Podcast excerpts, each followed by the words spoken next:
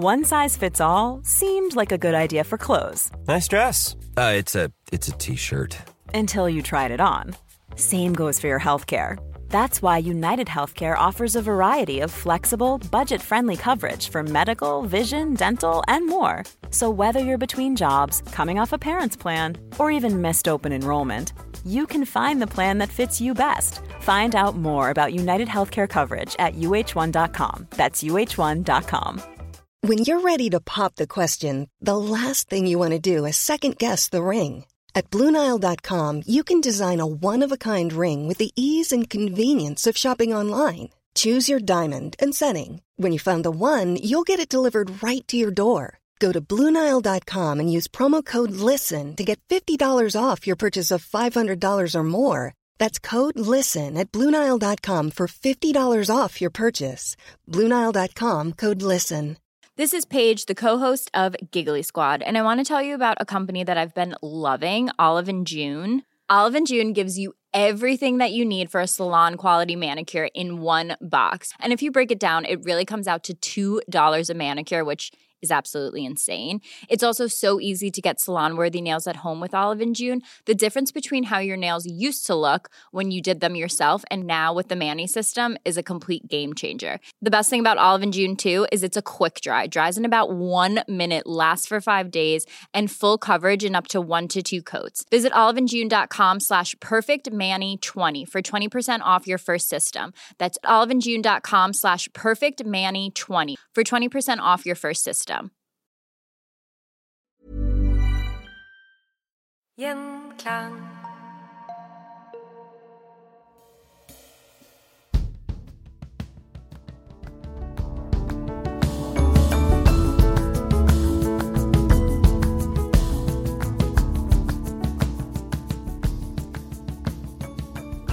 Velkommen til Historie som endret Norge. For en tid tilbake igjen så fikk vi en eh, mail fra Moritz som forteller at han er tysk, gift med norsk dame og bor i Oslo og er stor fan av denne podkasten Historie som endret Norge. Og han ønsker seg en episode om Petter Northug. Og så har det seg jo sånn sånn at jeg eh, kjenner en som eh, er god på Petter Northug. Tor Gottaas, velkommen tilbake igjen til Historie som endret Norge. Takk skal du ha. Og når du er god på Petter Northug, så betyr jo det at du har jo jobba med han, og jobber med han ennå. Jeg skrev en bok som het Viljeskalle, gitt ut 23.8 i år. og den kom ut, og Det er en treningshistorie, det er ikke noen biografi, men i perioder har det ikke gjort noe annet enn å trene, så det er også en slags biografi. Jeg intervjua Petter over 40 ganger, intervjua rundt 40 personer som har kjent Petter. så til sammen er det kanskje 100 intervjuer som ligger bak den boka som kom ut i år, og, som, og vi har lagd faktisk en podkast om den boka. Viljeskalle heter den. Ja, Men skal vi ta liksom litt elefanten i rommet med en gang? Fordi dette er jo en historiepodkast. Petter Northug eh, er tema i en historiepodkast. Eh, Har Petter Northug endra Norge? Ja, han er født 6.1.1986. I desember 1985 så var mora hos legen i Mosvik og spurte eh, åssen det var. Eller ble, hun ble undersøkt, og da tok legen og lytta på fosteret. Og så sa han du har et, en god langdistanseløper i magen, for pulsen var så jevn. Og da mora skulle føde Petter, så var det jævlig kaldt, så kjørte de til Levanger, sykehuset der. Det var 29 kuldegrader. Petter han ble født den dagen, og det var så kaldt at Jon fikk ikke starta bilen han skulle dra tilbake, så han måtte ha hjelp av Er det NAF det heter, er det det? Og i 2009 så gikk Petter et renn nede i Europa, en worldcup, og da vant han prologen og skulle gå sprint. Da var han sjuk, men han gikk alltid på skirenn med bare super, altså bare kort super, ikke noe super oppe og nede. Så lå han og skalv på sofaen. Så sa treneren du må ha på deg lang super, du må ha på deg lang super. Så sa Petter jeg ble født 6.1.1986, da var det minus 29, jeg var naken, sa han. Når jeg er voksen, sa han jeg skal faen meg gå uten super. og så vant han. det er bra. men, det, men det er gjerne her med altså, Jeg husker jo eh, hvordan han kom, kom inn i offentligheten eh, på NM eh, før OL-uttaket i 2006. Så får du arrestere meg om jeg, om jeg husker feil. Men eh, sånn som du både skriver i boka og, og forteller litt nå, så begynner jo reisen til Petter Northug før, før det. Han er jo en odelsgutt fra Framværan i Nord-Trøndelag. Vokste opp der, eldst av tre brødre, og faren Jon var interessert i langrenn. Det var også bestefaren Petter. En veldig klassisk langrennsoppest. Han gikk på ski til skolen. Han spilte fotball i eh, Mosvik. Da gikk han på rulleski 15 km en vei, spilte fotball et par timer, gikk tilbake, altså tre mil på rulleski pluss fotball. Da var han bare guttungen. Han var veldig aktiv, var med i fjøset fra han var sju-åtte år. Så han, han, var altså den typiske langrennsbakgrunnen med å komme fra landsbygda og bo på et lite sted. Han Høydepunktet var når mjølkebilen kom annenhver dag og henta mjølk. Det er kanskje 150 som bor i grenda der. Og i Mosvik da, i kommunen var det en 700-800, altså i hele kommunen, samme som et borettslag i Oslo. Og han eh, var ganske sjenert, eh, eh, seint fysisk uttrykka ganske liten og spinkel, men veldig interessert i langrenn og hadde en kolossal vilje og evne til å henge på andre. Han vant ikke så mye da han var veldig ung, men han, han likte å henge på de som eldre og prøve å være sammen med de store gutta. Gikk først og gikk over til Inderøy og hadde ikke noe særlig teknikk, men en kolossal energi, og han åpna hardt. Og sprakk kanskje, men holdt mer og mer etter hvert. Så han begynte da som en ivrig guttunge som var interessert i alt, all idrett. Langrenn, løping, skiskyting, skihopping, fotball. Han var med på alt. Og det er veldig fint på gården jeg har vært hjemme der, og den ligger fint til. Det er skog, det er litt hamning og beitemarker og jorder, så veldig fint å vokse opp, fint å trene, stille og rolig. Veldig bra plass å bo, altså. Men den bakgrunnen du beskriver nå, den eh, føler jeg ikke er sånn unik i, eh, for langrennsløpere. Vi har jo snakket om Oddvar Brå tidligere. Det, det, er jo noen sånne paralleller her, føler jeg. Oddvar Brå er jo eh, og langrennsløper, og han har vokst opp i mye samme forhold. Han er odelsgutt, han er enebarn. Så den unge Brå og den unge Petter Petter er født i 1986, Oddvar i 1951. De har veldig mye felles i bakgrunnen. Og tradisjonelt har jo norske langrennsløpere kommet fra sånne kår. I dag har du flere byløpere som er blant verdens beste, og som er de beste. Men hvis du går tilbake til 50-60-70-åra, så kom veldig mange fra landsbygda. Og Petter han har vokst opp på 80- og 90-tallet og 2000-tallet, men har en old school oppvekst. Samtidig er han moderne. Han hadde datamaskin tidlig. Han eh, kom inn i en tid hvor internett eh, gjorde at idretten ble forsterka og forstørra. Han eh, var med på sosiale medier fra begynnelsen.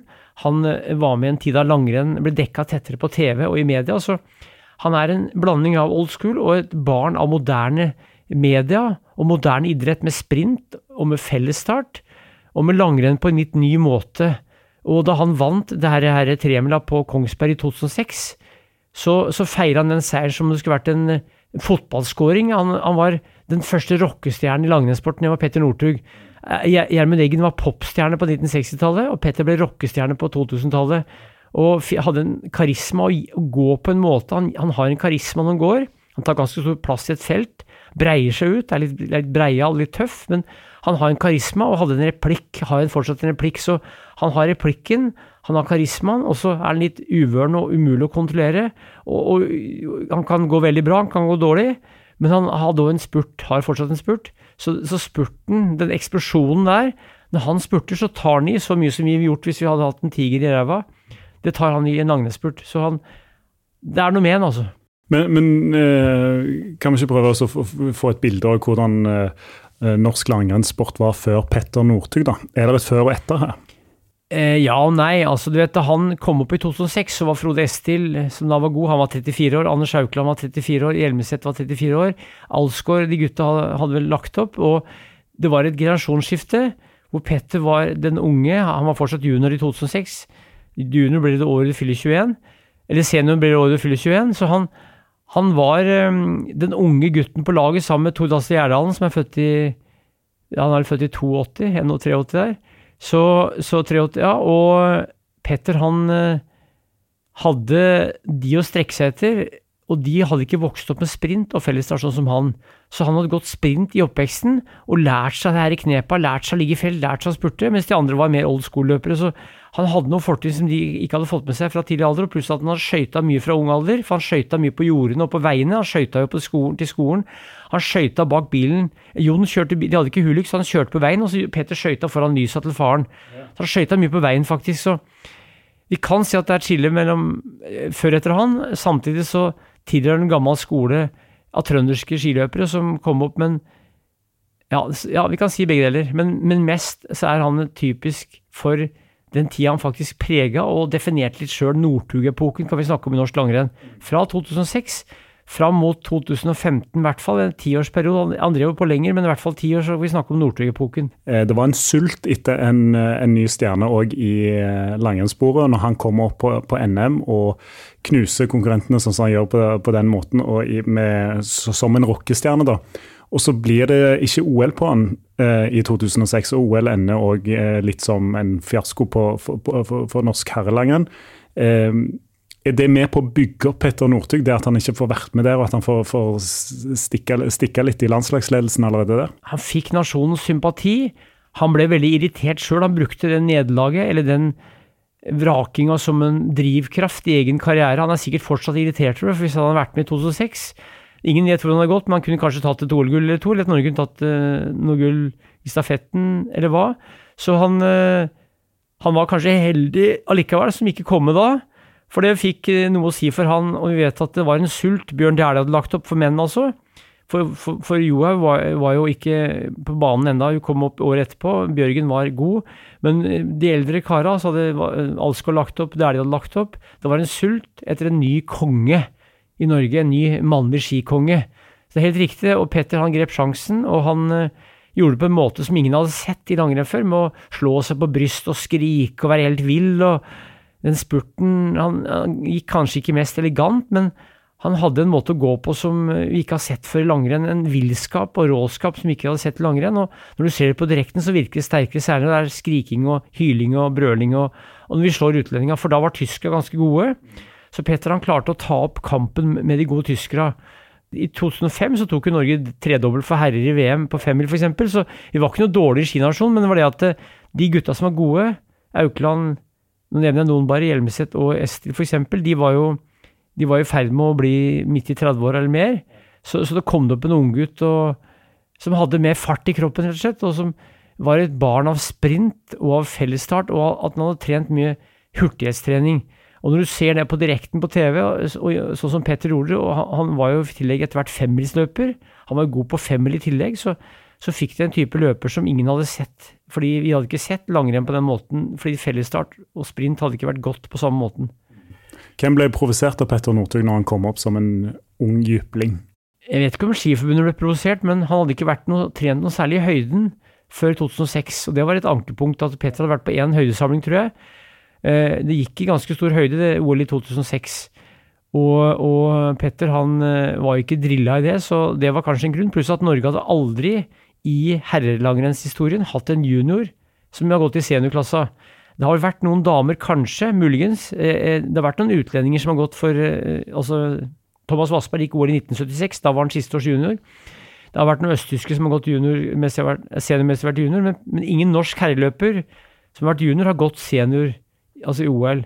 Så det var en regel om at du kommer ikke med til OL hvis du er junior. Sånn som i 1980 så var Paul Gunnar Mixpass han var nest siste års junior, og var egentlig god nok til å komme med kanskje i 1980 Lake Placid, og han, han fikk ikke gå. Uh, I tillegg var det høyden her, altså, så det ville ikke ville kanskje skåne, pluss at det var nok en litt politisk avgjørelse for at uh, OL-laget kunne kanskje vært tatt ut det på forhånd, for når Petter da vant, enda om ikke kom ut. Men etter OL så fikk jo Petter en kolossal revansj, for da vant han i Falun og slo hele verdenseliten. Og da var han jo plutselig konge. Eh, så han uh, fikk revansj for seg sjøl, men irriterte seg som jeg sa, over at den ikke var tatt ut, og brukte det som drivkraft i åra framover for å komme tilbake og slå hardt tilbake. Mm. Eh, når er eh, Når blir denne Når blir Petter Northug eh, King Kong her hjemme i Norge? Altså, du, du, forteller jo at media kommer tettere på i denne perioden, men jeg tolker jo òg det som at de kommer tettere på pga. Petter Northug. Riktig, media fikk en ny yndling, og han ble gradvis større. Han gjorde det bra i 2007, og vi kommer til 2009. Da vant han jo femmila i VM i Liberec, og da sa han jo på forhånd at uh, du får stå klar med hjertestarteren. Han var klar til å gå seg inn i dauen, altså. Han hadde satt et mål, det var å vinne Femla i 2009, og han skulle ta revansj fra 2007, for da datt han jo annet på den der eh, ene distansen her. og vi vet jo det at, eh, vet jo det at eh, målet var jo 2011 i Oslo. Så da han var 16 år, så satte han det som mål at han skulle nå toppen i VM i Oslo i 2011. Så han hadde et mål altså fra han begynte på skigymnaset i Steinkjer, omtrent da. Eller, han begynte jo i 2002, men VM kom litt Altså avgjørelsen at Oslo fikk VM, kom litt senere. Men han hadde som mål om å bli verdens beste skiløper. Det var målet. og da han fikk vite at Oslo hadde VM, så satte han det som et mål, for da ville han fylle 25 år det året. Så Han satsa alt mot VM i 2011, men vi, vi, kan si etter 2009 så var han kongen av skisporten i Norge, og det toppa seg så klart da i 2011. Men alt var retta mot 211 Oslo for å for å nå høydepunktet der og, og ta gull. og han sa jo det at uh, hvis han vant femmila i Oslo, så kunne han godt dø etterpå. Det var ikke så farlig, for han, da han var 15 år, så vant han hovedlandsrennet, og da satt han hjem fra Konnerud utafor Drammen og kjørte i bil og satt med pokalen og satt og tenkte og drømte seg bort. og Oppgaven hans var å bli skiløper. Han skulle bli verdens beste skiløper. Han skulle vinne. Han skulle bruke alt han kunne av krefter og energi, og satsing på det. Så han hadde en slags oppgave oppi huet sitt. Uh, var god til å visualisere. Dette, dette minner meg òg om Oddvar Brå. Ja ja, så klart det. Det er veldig likt Oddvar Brå. For det var et VM i Oslo der òg? 1982. og Den unge Oddvar Brå var faktisk bedre enn Petter, for Oddvar vant jo alt nesten som guttunge, så Oddvar var mer større talent. Og Oddvar han tok gull i 1982, da var han 31 år. Petter han fikk det gullet mye, mye tidligere. Du kan sammenligne med Gjermund Eggen, for Gjermund Eggen fra Engerdal, som var født i 1941, han tok da tre VM-gull i 1966, var nesten 25 år. Han fylte i juni 1966, 25 år. Så Gjermund Eggen og Petter Northug, som når toppen i en alder av 25 år, det er ganske likt, faktisk. Belly var veldig populære. Belly kom fra bygda. Eh, gutter fra landsbygda som har vokst opp med en, ja, på småbruk Gjermund og Petter på en gard. Så du kan si at både Eggen og Brå har noe til felles med Petter. Samtidig er han en ny type, fordi han går fellesstart altså, og sprint, og har det her medietrykket som er på en annen måte. Eh, særlig etter hvert med sosiale medier og med internett som kan spre langrenn på en ny måte. Og det som var spesielt med Petter, var at han fanga mange som ikke var interessert i langrenn. Kanskje ikke idrett i det hele tatt, som, som fulgte langrenn fordi Petter gikk. Det er litt spesielt. og Det gjelder jo store idrettsfolk, at de får med seg enda flere. Sånn er litt fra med Jakob Ingebrigtsen nå, at folk følger med han. Selv om de kanskje ikke er interessert i løping, så følger de med han, for han, er så god. Og Petter hadde en villskapen, og langrennsløpere har tross alt vært ganske trauste typer. Beskjedne, kanskje. Peter er òg i utgangspunktet beskjeden og traust, men da han gikk i skirenn, så mista alle hemninger og, og slo ut um, Gikk berserk både i løpet og kanskje etterpå.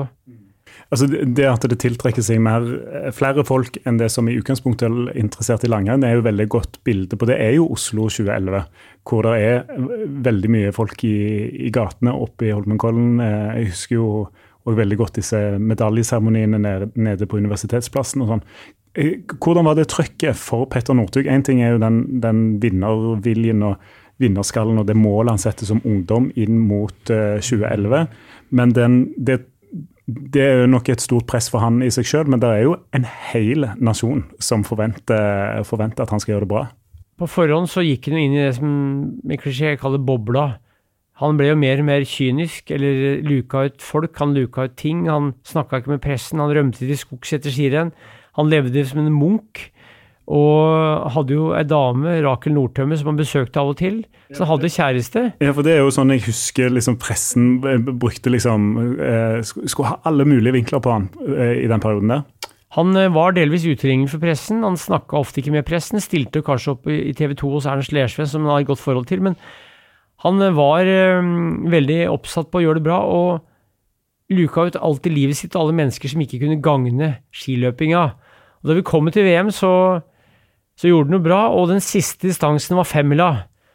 Og da skulle han vinne, og før skirenn, og vanligvis var alltid rommet til Petter så ut som en bomba horehus, men den kvelden så rydda han på rommet. Da, da, da, da, var alt i orden, det var som om det skulle vært i militæret. Da rydda han og gikk inn en tur. Han var nervøs, han lå, han lå vrei seg i senga en times tid. Da var Petter nervøs, for da var det femmil i Oslo, og han øh, visste hvilket press han la på seg sjøl.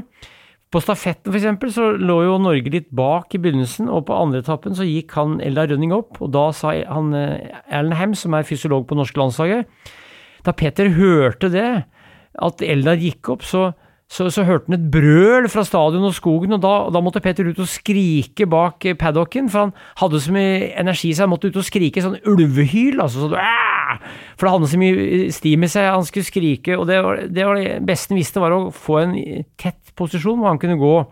For han elska det her, her spillet. For noen langrennsløpere liker jo ikke å gå i felt, de liker jo ikke å spurte, de liker jo ikke at det avgjøres med spurt. Petter elska å ligge i felt, og, og på den femmila så sa han at eh, han hørte bråket på den første runden, på den andre og på den tredje runden. På de tre siste så hørte han ikke bråket, han hørte ikke publikum, men på den første runden sa han, så var det som, det var som bakken vibrerte, altså. Det var så jævlig jubel at det var som bakken vibrerte. Og når det står 100 150 000, jeg vet ikke hvor mange var i skogen, og de står og skriker så tett innpå, så er det som om bakken vibrerer, altså. Han gikk med solbriller, og det var altså helt spesielt. Og det samme sa Tore Atle Gjerdal nå. Han hørte ikke bråket etter hvert, for det var så konsentrert, og gikk for å vinne, og tenkte bare på å vinne. så det er ganske spesielt. Og så var det premieutdeling da på Han vant jo den femmila der. Og Gjerdalen tok bronse. Premieutdeling på universitetsplassen. Jeg var der sjøl. Det var jo enormt stort. og vi tenker kanskje ikke over hvor stort det er for de gutta sjøl, for de har slitt fra de er små. De har gått og tenkt, de har pint seg, de har gått i mørk, de har gått i, på rulleski om høsten. De har, de har vært sjuke, de har vært friske, og så, de, så, kommer det, og så får de full klaff på hjemmebane. Så det er ikke noe større for en idrettsutøver ta gull på hjemmebane, og særlig langrenn i Holmenkollen, som er skisportens Olympa. så Petter nådde et høydepunkt, og så kom det en tomhet. Hva nå? Hva skal jeg gjøre for noe nå? Og da gikk han faktisk opp ti kilo fra slutten av sesongen til begynnelsen av juni. Han trente ikke, gikk opp ti kilo. Festa, spiste, eh, sov seint, eh, ga blaffen. Altså, han fikk en tomhet i livet sitt i en alder av 25 år. Hva gjør jeg for noe nå? Ja, det, det er jo veldig interessant. og denne vinnerskallen da, som du har beskrevet, og har fra ungdommen satt seg Holmenkollen 2011 som et mål, og så, så, har han ikke tenkt en tanke på hva som skal komme etterpå. Eh, hvordan fungerer apparatet rundt han når han slipper seg sånn ned? Nei, Han eh, var jo ganske uavhengig. Han var på landslaget, men eh, han er jo ganske, og var jo ganske egenrådig. Han bodde på hybel hos Hallgeir Martin Lundemo i Meråker. og Der var han, og så var han hos Rakel. Det ble slutt med Rakel etter VM, så han var eh, en del i Trondheim òg. Og han han gjorde det som han ville. Fra Petter han brøt med landslaget i 2013, og da fikk han være helt fri mann. Men uh, du kunne ikke tvinge Petter til noe, så han begynte å trene i begynnelsen av juni. og Da hadde Martin Johnsen Sundby sagt hva som har skjedd med deg, ja? For da hadde han gått opp ti kilo. Jeg har sett bilde av Petter Northug bakfra, ræva på han bakfra i, rundt 2. juni 2011, og, og ræva bakfra rett før Fallen i 2015. Det er to forskjellige personer. for da er den ene hver 90, og andre hver kanskje nesten 10 kilo. Altså, det er veldig stor forskjell i fettprosent. Altså. Han var veldig, veldig trimma senere. så han uh, var som en fotballspiller, sånn som George Best, hvis du husker han fotballspilleren, at han bare ga blaffen.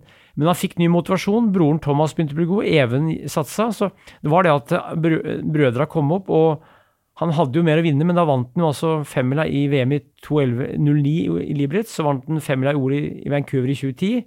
Så vant han femmila i Oslo i 2011, altså tre femmilseiere på rad. For han var altså, som jeg sier, et barn av både sprint og fellesstart, men samtidig old, old school, altså skulle bli god femmilsløper. Og trente mye opp i Mjøråker, løp turer på fire, fem, seks, sju timer opp i myra. Så han trente seg til å bli seig. Han har mye raske muskelfibre, ja, men han er også veldig seig og bra trent. Og trente mye og smart. Hvis han var overtrent, så lå han og dorma som et dyr i flere dager. Og så begynte han å trene igjen, så han, han var veldig flink til å lytte til kroppen. Eh, så han har jo en treningsintelligens, Petter, som ikke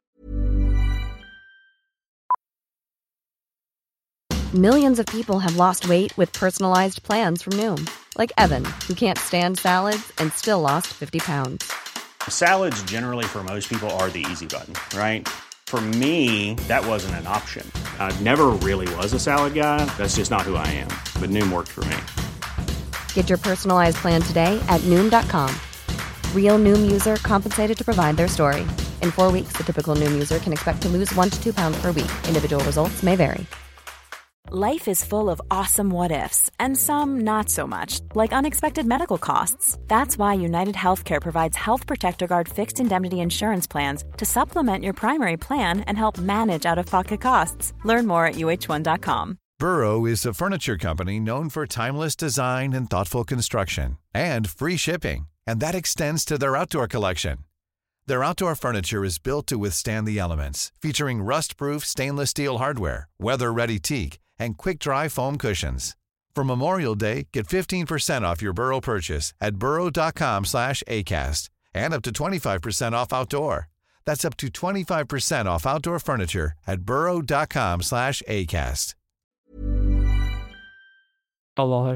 Du beskriver også som en rockestjerne. Eh, ikke i eget hue. Eh, for han sjøl ser han på seg sjøl som en, eh, en odelsgutt. Men andre kalte han rockestjerne. Eh, men eh, han oppførte seg kanskje som det som vi kan kalle rockestjerne, så han ble oppfatta som det. Men jeg tror ikke han tenkte, på, tenkte på, det som seg sjøl, i hvert fall ikke hele tida. Kanskje av og til. Men denne rivaliseringen med svensken og det, den, den medieinteressen som var rundt han og de uttalelsene han kom fra, det må jo òg i den perioden være eh, mye som At det er gjort med overlegg òg. Ja, for Petter han leste jo ikke aviser sjøl. Han leste ikke aviser før VM i Oslo, for han skulle konsentrere seg om å gå langrenn. Så hvis noe ikke gagnet han som skiløper, så ga han blaffen i det. Men han likte og elska å provosere, og visste at hvis han sa noe om Sverige og svensken, så ville både nordmenn og svenskene slå, opp, slå det opp. Så han syntes det var artig å være med på den leken, eller det spillet. Men sjøl så så tror jeg han humra litt av det, men samtidig så vet vi at han elsker langrenn, så hvis interessen for langrenn kan økes, så liker han å få fram det på, på sin måte. Men, men er det òg eh, altså sånn mind games retta mot svenskene? Det tror jeg. Ja, Så det, det, du opplever at det var bevisst på Det er ikke bare for å få avisene til å skrive eh, noe å skrive om, men det er òg for å, å plage? No, noe var spontant, og noe var bevisst, men jeg tror nok det at det, det var både spontant og bevisst. for at det, han er jo kjapp i replikken, og hvis han var i en situasjon hvor han kunne provosere svensken, så gjorde han det. Og underveis Han gikk jo og gjorde det underveis. Jeg vet at på stafetten i Falen i 2015 så hadde han eh, hadde svensken kasta brillene sine for han var sliten, og da hadde Petter rolig gitt fra seg brillene for, som drev for at, han ikke, at han ikke var sliten. Så han drev med psykologisk spill underveis òg, og kunne kødde med konkurrenter. Og noen reagerte på det og ble provosert, mens andre ga blaffen. Så han var, jeg vil ikke si ufin, men den måten å være på skien var jo ny, for at uh, du hadde ikke hatt fellesstart som øvelse, så han, han var noe nytt. Og så, eh, jeg vet ikke om du skal sammenligne med sykkel eller med andre idretter hvor det er mye fellesstart, for du får kanskje andre måter å være på enn i intervallstart hvor du går alene og piner deg i skogen. Mm. Men det, det, oppspillet som var mot uh, enkelte svenske profiler, da Markus Hellene og sånn, de ser jo i den ordkrigen der ut ganske plaga ut uh, til tider òg, når Petter, uh, Petter, kjører på. Hvem er det Petter Northug anså som sin største rival, og hvem han ville gå litt til angrep på? Det var nok Hellner, og etter hvert kanskje Halvarsson, Kalle Halvarsson, Markus Hellner. men og det var jo de som var gode. Så Markus Helner var jo en gode. Han var vel ett år eldre enn Petter, tror jeg, så de kom opp omtrent samtidig. Så det var de harde konkurrentene. Og ved å provosere så visste han at konkurrentene ble provosert, og når konkurrentene ble provosert, så, så, ble Petter bare mer oppildna, for han var et krig. Han gikk i krigen, det var han mot røkla, han mot resten. Så han var, eh, sånn som Sixten Jernberg, svensken, født i 1929, død i 2012. Han elska jo Petter Northug. Han likte ikke at Petter datt i mål, men han likte Petter som type. Eh, en slags bokser, Petter var en slags rocky i skiløypa, altså. Eh, hvor, hvor, han hadde Eye of the Tiger, som heter i sangen. Og så, nå, nå, er han, nå er han comeback, så nå er han i et Rocky 3 eller Rocky 4. Så han, han, han hadde den Rocky-mentaliteten, og det var krig, altså. Ja. Og så husker jeg jo så godt også disse svenske kommentatorene som eh, som lar seg provosere òg, og går litt utover sitt eget uh, skinn òg. Og, og, jeg blir litt sånn frustrert da, på vegne av, av uh, svenskene, da. Um, men er dette òg med på å gjøre han til en enda større stjerne i Norge? Ja, for, for å bli stjerne i idrett så må du ikke bare prestere bra. Du må bli, for å bli virkelig folkekjær altså, og stjerne, så må du For Petter er jo ikke folkekjær hos alle. Det er ikke alle som liker Petter. Enten, eller, enten elsker han, eller så liker han ikke så godt. Men du må prestere bra idrett. Du må vise følelser. Eh, du må gjøre noe og si noe annet enn det du gjør bare på idrettsbanen. Så han passer egentlig alle ingrediensene. Og så burde helst komme fra landsbygda og i hvert fall prate dialekt, og helst trøndersk hvis du er skiløper. Så han har mye ved seg. Du må være, du må, altså, du må være alminnelig i utgangspunktet.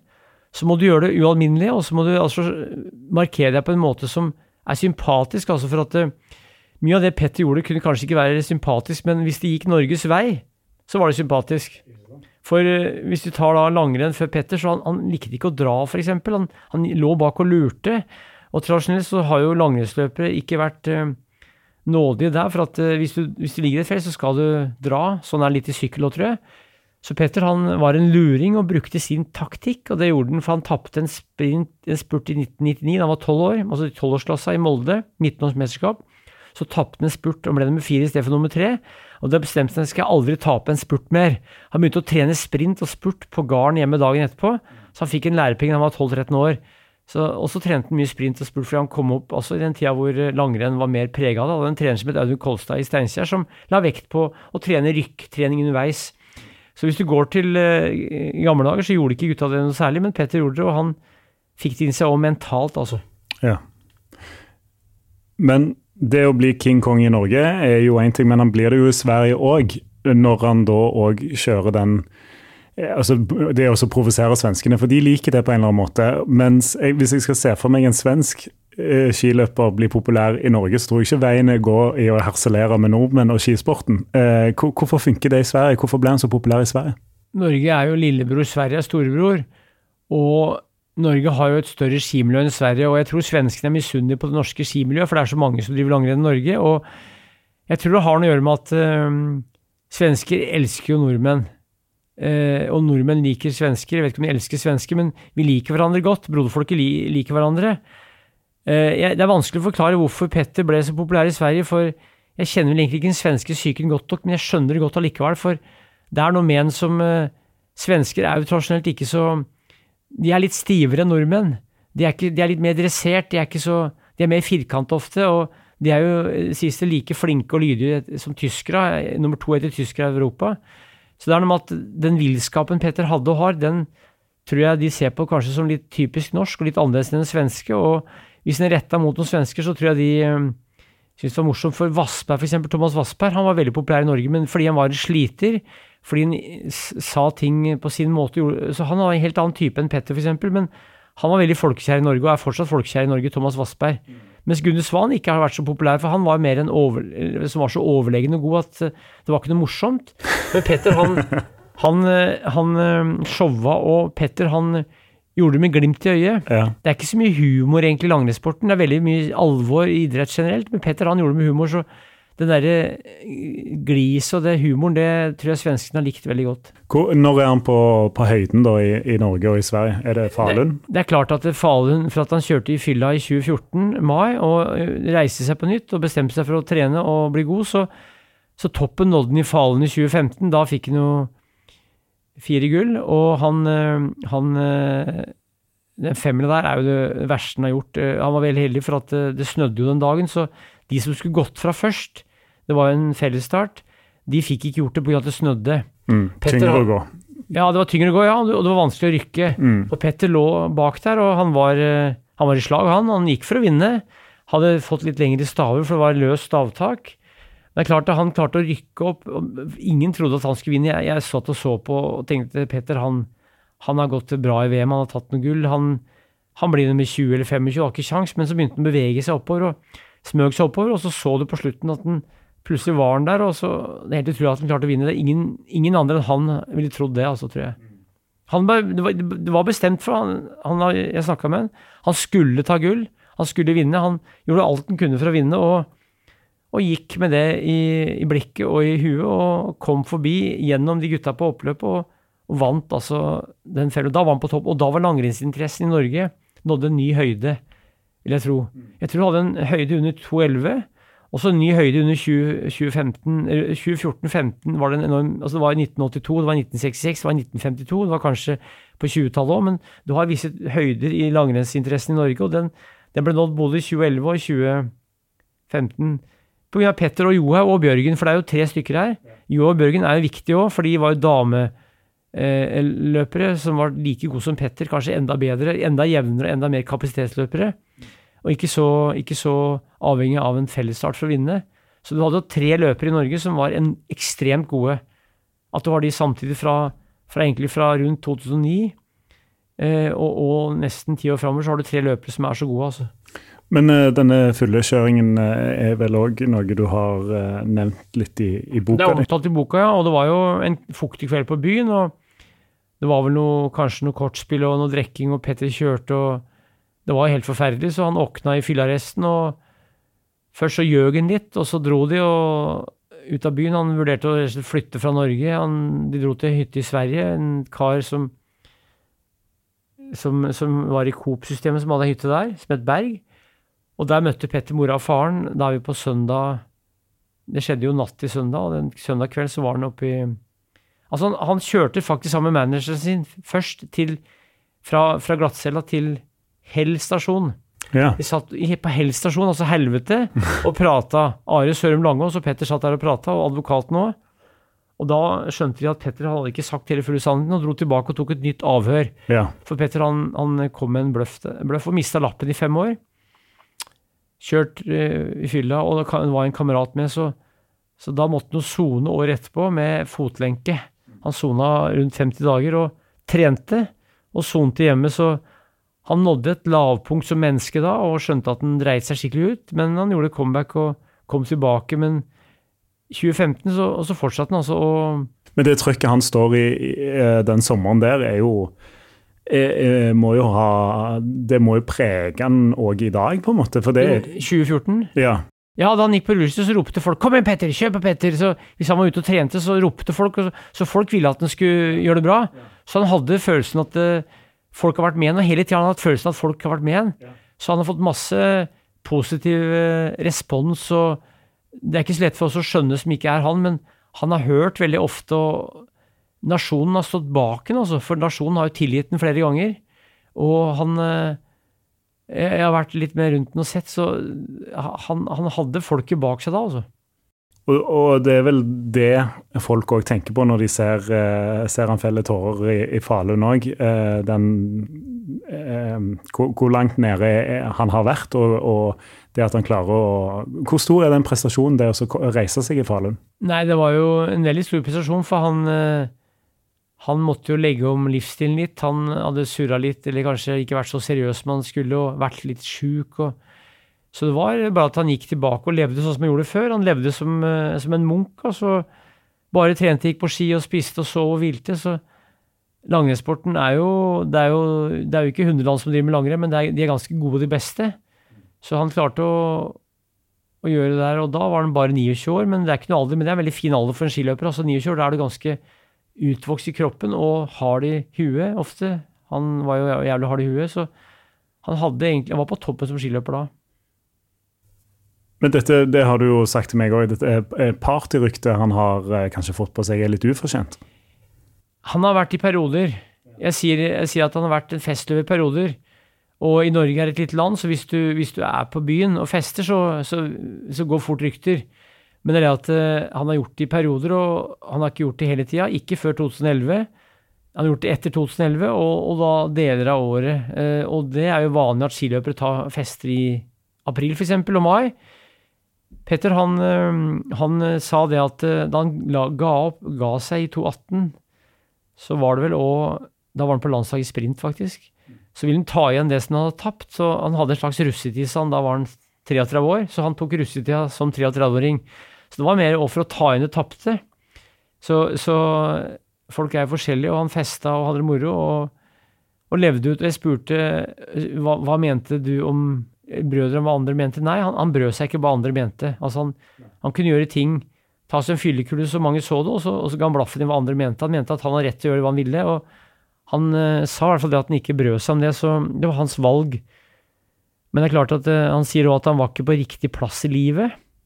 Da han ble tatt for å kjøre fort i 2020, ble han tatt for å kjøre, for å kjøre i 221. Og da, da hadde han en livsstil som ikke var bra, det sier han, og da ble han tatt på nytt, mista lappen på nytt, og var inne på rehabilitering og fikk sju måneder. Eh, var på Bolkesjø og fikk tid til å tenke og fikk eh, prate med folk og skjønte at, man at han måtte ta tak i livet sitt og ikke leve sånn. Og, så har han lagt om livsstilen etter det, og nå trener han og har det bra. Ja.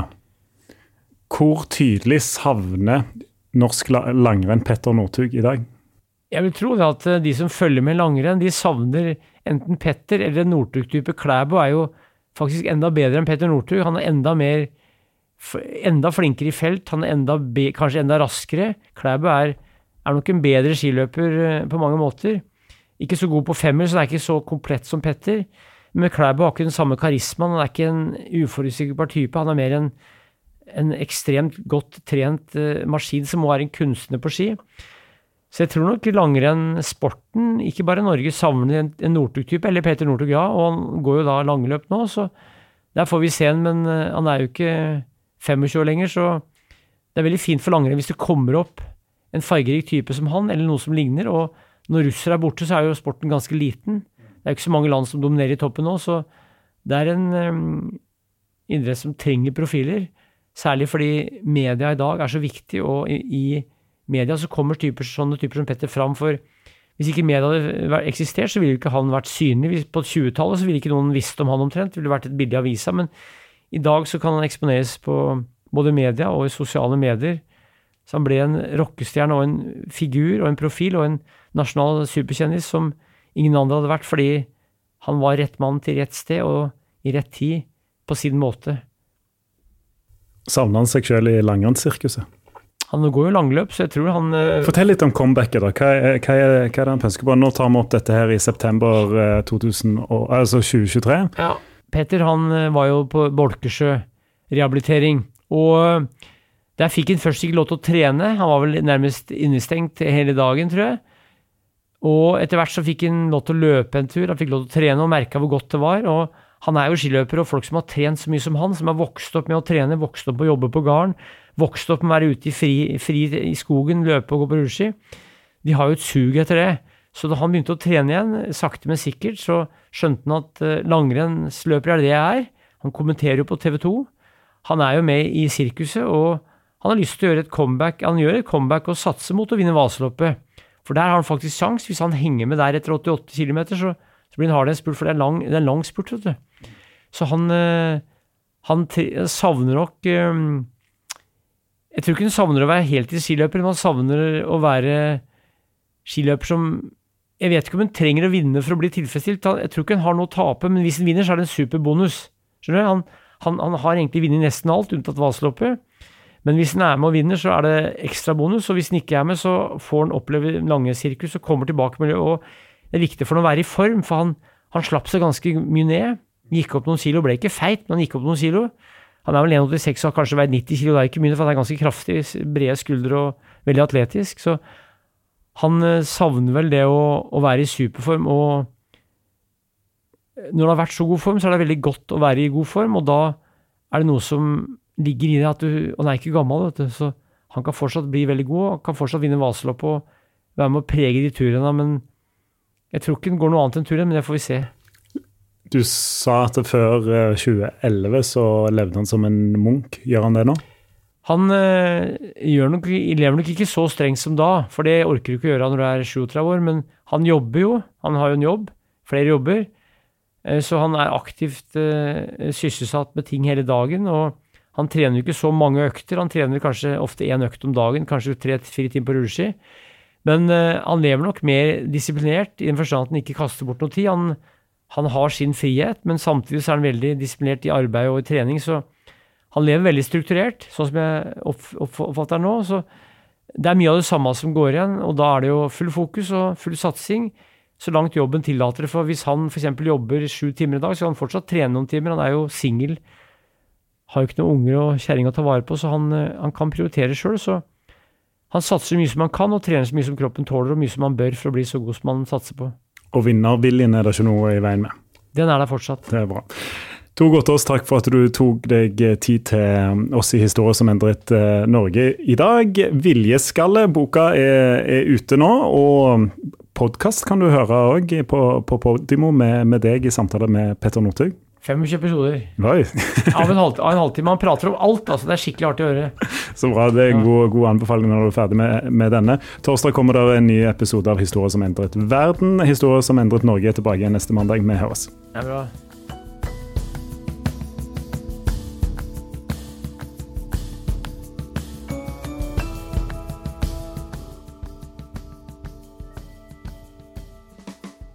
Gjenklang.